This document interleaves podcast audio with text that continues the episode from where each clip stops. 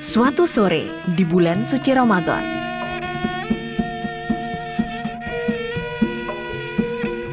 Burenggo berjalan ke dapur untuk menyiapkan menu berbuka keluarga tercintanya.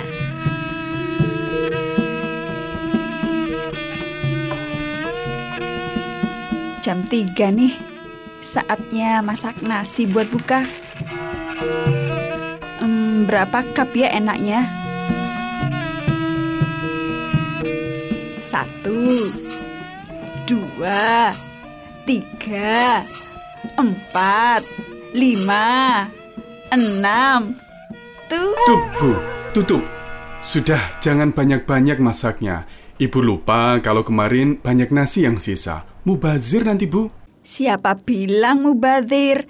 Kan dimakan kucing sama ayam ya. Tapi kalau kebanyakan, bisa obesitas kucing sama ayam-ayam kita, Bu. Lihat tuh, si empu sudah mulai engos-engosan jalannya. Kapan hari malah seringnya ibu buang-buang nasi toh?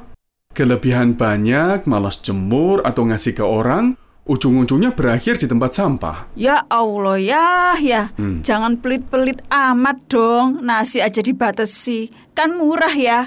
Yang premium aja nggak sampai 20 ribu Waduh. sekilo wong ya rupiah, bukan pound sterling. Astagfirullah, bukannya pelit, Bu. Tapi sebisa mungkin kita harus menghindari kesia-siaan. Karena sifat mubazir sangat dibenci oleh Allah. Ingat sabda Rasulullah, sesungguhnya Allah membenci kalian karena tiga hal.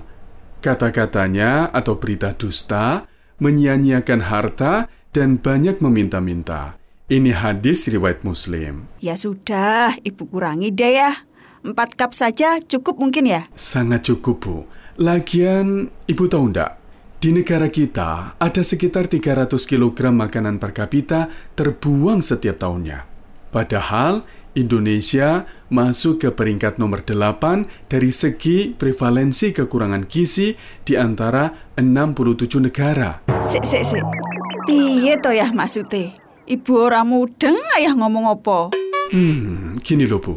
Maksudnya, banyak dari kita yang masih membuang-buang makanan, padahal masih banyak orang lain yang membutuhkan dan kekurangan gizi. Miris toh Bu? Duh, jadi sedih dengernya ya. Iya Bu, makanya sebisa mungkin jangan sampai kita menyisakan makanan atau minuman yang kita konsumsi. Ini mengajarkan agar kita bersyukur dan menghargai apa-apa yang Allah berikan kepada kita. Kita juga tidak pernah tahu manakah di antara butiran makanan itu yang mengandung barokah. Jangan-jangan di butiran nasi yang tidak kita makan dan terbuang. Eman toh? Waduh, emannya ya. Ya sudah, ibu masak satu cup aja ya. Yo jangan langsung sedikit gitu toh Bu. Soalnya ya, hari ini selain masak nasi sendiri, ibu sudah order bakso Malang, kelepon Pasuruan, Waduh. lumpia Solo, sate Ponorogo, dan Walah. lontong Kupang Swediarjo. Harus dihabiskan nanti lo ya. Weleh, weleh. Bisa ndak bu kalau di cancel? Iku wake temen lo bu. Ya ora iso ya. Ini orangnya yang ngantar sudah ada di depan. Sebentar ya, ibu ke depan ambil dulu.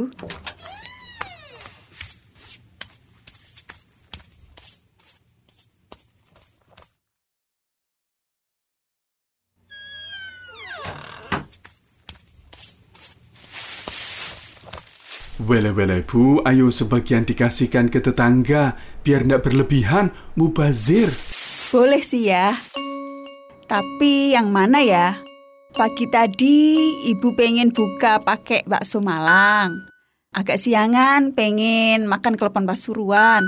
Terus siangnya ada bapak-bapak tukang lumpia Solo lewat. Kok kayaknya enak. Ibu beli deh. Ya sudah, sate Ponorogo sama lontong Kupang Swediarjonya saja yang kita berikan, oke? Jangan ya. Itu jualan barunya Jeng Tasya yang mau ibu review untuk menemukan kekurangannya. Maklum, ibu ini kan kritikus kuliner. Sudah selevel sama Master Chef di kalangan ibu-ibu arisan. Hmm, astagfirullah. Ya sudah, itu kan porsinya banyak. Ambil sebagian-sebagian ya. Tapi sih ya, harus dilakukan pemotretan dulu buat ngisi fitnya Instagramnya ibu. followersnya ibu banyak loh ya. Masa ayah nggak sadar punya istri selebgram terkenal? Piye ayah ini? Hmm, Bu, Bu.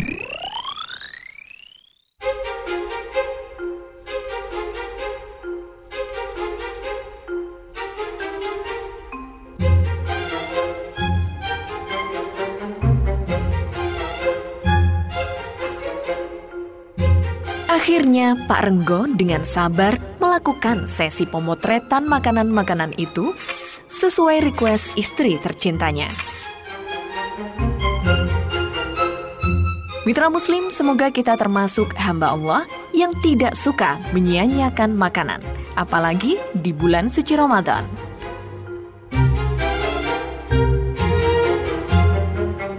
Mitra siar yang bertugas, produser eksekutif Abu Royhan, casting Palupi Abdullah dan Abdul Kohar, ide cerita dan skenario Siti Aisyah, editor Rasikin. Pamit undur diri, terima kasih telah mendengarkan. Nantikan selalu sketsa Ramadan penuh cinta hanya di Suara Muslim Radio Network.